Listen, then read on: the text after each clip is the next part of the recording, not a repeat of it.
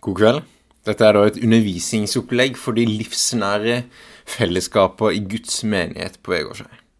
Vi er veke 10 og 11, og vi er Efeserne 5, 8-20. Og jeg tror, når dere leser den teksten der, så føler en litt at det her har vi prata mye om nå. For Efeserne 4 og fram til nå, i Efeserne 5, så går det nesten akkurat i det samme. Det var et før, og det er et etter. Dere var i mørket, men nå i Herren så er dere lys. Dere levde en gang på, et eller annet vis, men nå i Herren så er det annerledes. Og så kan det her være vanskelig å ta til seg på grunn av ja, men jeg føler det ikke helt sånn. Jeg husker ikke at det var et spesielt skille i livet mitt. Og så tror jeg Paulus prøver å få fram denne her realiteten som har skjedd inni oss. Og så bruker han ord på å forklare til haugene våre at det her er den nye realiteten om hvem du er. For kristenlivet er ikke en 'dette her er regelen du må følge', og nå begynner å følge dem. Nei, det er som de tre første kapitlene i Efeserne har lagt et fundament av. Det er først en identitet. Det er først noe grunnleggende Paulus og Jesus ønsker å si over vårt liv. Det her er det som har skjedd med deg. Hvorfor? Jo, på grunn av Guds nåde. Du var en synder som trengte nåde. For Gud tålte ikke synd. Syndens lønn var døden. Så det vi egentlig fortjener, det er død. Og så kom Gud og redda oss. Den redningen var ikke bare en sånn billett og en ventebillett på det som en gang skal skje når vi dør eller når Jesus kommer igjen. Nei, det var en forandringsbillett, en forandringsprosess som begynner nå. For inni oss er Guds ånd flytta inn. Vi er blitt hans tempel. Og vi har fått en ny identitet. Vi er merka med et nytt seil. Den hellige ånd er over livet vårt. Og så går Efeserne 4 og de har versene i Efeserne 5 på Ja, det her er sånn det var før. Prøver å putte ord på det, og, det er sånn det er nå.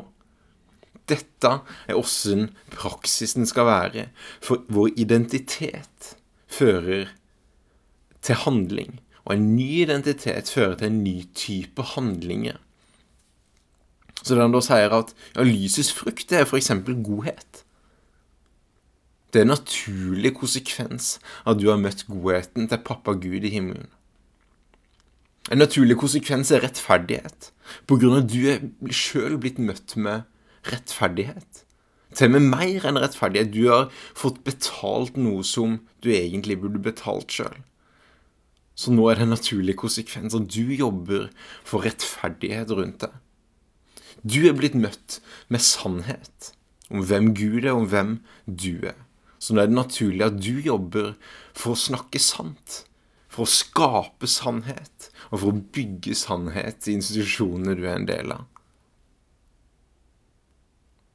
Livet med Gud har en konsekvens. Så kan det være dere ikke ser det sånn, men jeg ser at de versene her føler jeg har noen steg. Jeg har kalt det nummer én å se, nummer to å smake, nummer tre å erfare, og nummer fire å reise seg.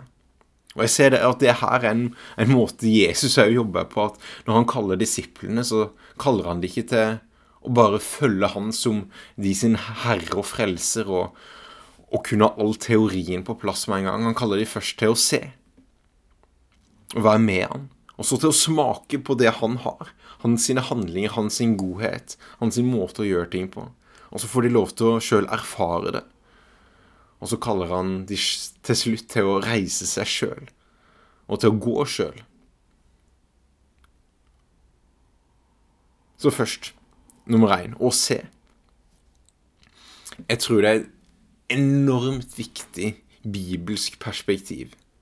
Det er at vi var blinde, men vi er nå blitt seende. At Jesus ikke kom for å gjøre gode mennesker er bedre, men for å dø mennesker levende realiteten om oss, er at vi var blinde for Gud.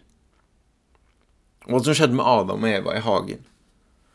Jo, slangen lurte dem med at hvis dere spiser av det her, så skal dere se hva som er godt og ondt.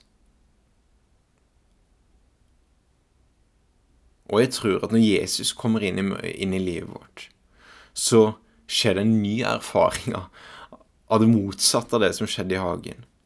For nå, nå, igjen så får vi se Vi får se det som er ikke riktig. Så når, når, folk kommer til tro, så er det veldig ofte at de må ha en runde og be om tilgivelse. Gjøre opp ting. Som Sakkeus, som måtte betale tilbake penger. For min del har det mange ting jeg måtte si unnskyld til opp gjennom livet og beklage i ettertid pga. lyset har skint på livet mitt, og lyset avslører det mørke. Men aller mest så peker lyset på et bedre alternativ. Når Hanna nå skal prøve å avlede Josef Hvis han har f.eks. en bil som hun har lyst til å leke med, så har hun skjønt det at det hjelper ikke bare å dra den fra han. For da vil han ha den bilen. Men hvis hun kan komme til han med en større bil, da kan hun få det hun egentlig har lyst på. Og jeg tror det er litt sånn med oss òg. At vi må huske at når vi skal legge av noe gammelt og ta på noe nytt, så er Bibelen der at det er et bedre alternativ. Det er et bedre alternativ til, til porno. Det er bra sex i ekteskapet. Det er et bedre alternativ til løgn. Jo, det å lære seg å snakke sant. Det er et bedre alternativ Og så kan man putte inn sine historier her. Og når vi ser et bedre alternativ, ser hva som er sant og hva som ikke er sant, så inviterer Jesus til å smake på det. Prøv det ut. Det står i den teksten vi leser, prøv hva som er til glede for Herren.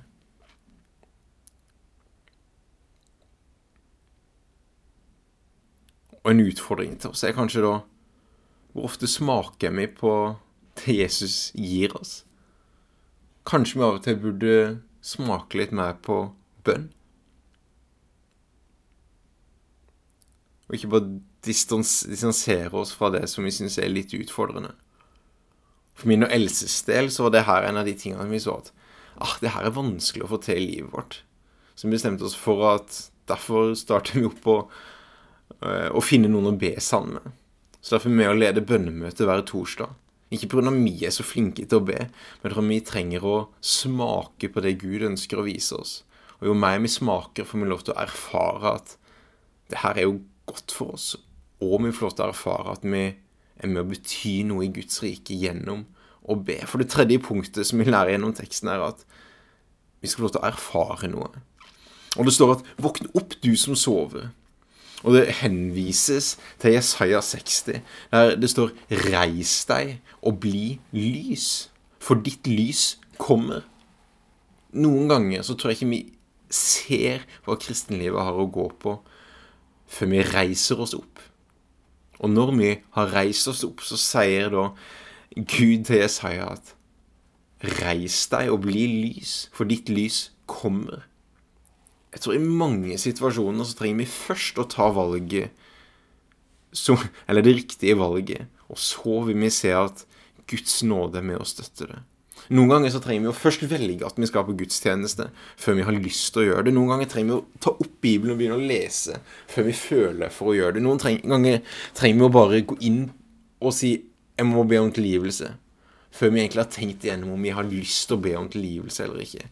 Vi må erfare at Guds ord er virkekraftig. Det står videre der at 'pass derfor nøye på hvordan dere lever', ikke som ukloke mennesker, men som kloke for for dagene er onde. Hva betyr det, da? Jeg tror hvis vi ikke er bevisste på å velge det gode, så er ikke det noe som vi bare havner inn i. Hvis du ikke konkret setter av på timeplanen at du skal bruke tid til å lese Guds ord, så vil du mest sannsynlig ikke bare dumpe ned i Bibelen i løpet av kvelden hvis ikke du har fått det inn som en vane allerede. Så det siste reis deg. Reis deg og bli lys. Jeg tror det er opp til oss. Vi blir det vi velger å gjøre over tid. Og jeg tror spesielt til oss gutter så trenger vi å avmystifisere det her med åndelighet. For jeg tror åndelighet aller mest har å si med å velge. Hva er det du velger for familien din? Bare det at du velger at ok, hver sommer så reiser vi på en eller annen form for bibelcamping eller noe som er åndelig oppbyggende for familien.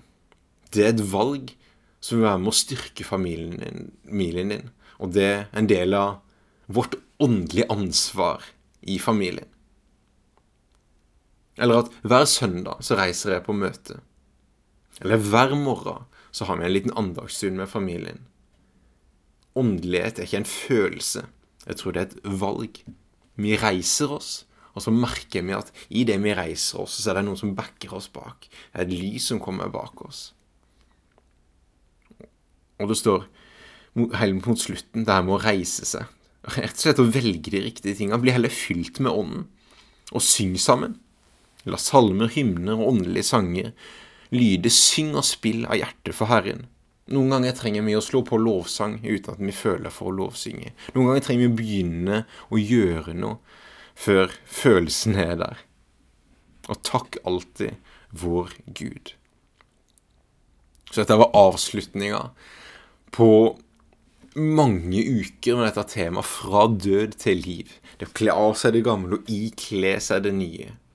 Jeg håper at det ga mening med at vi trenger å først se og smake på og erfare og så trenger vi å se at Gud ønsker at vi skal reise oss og ta valg som underbygger den nye identiteten vi har i Kristus.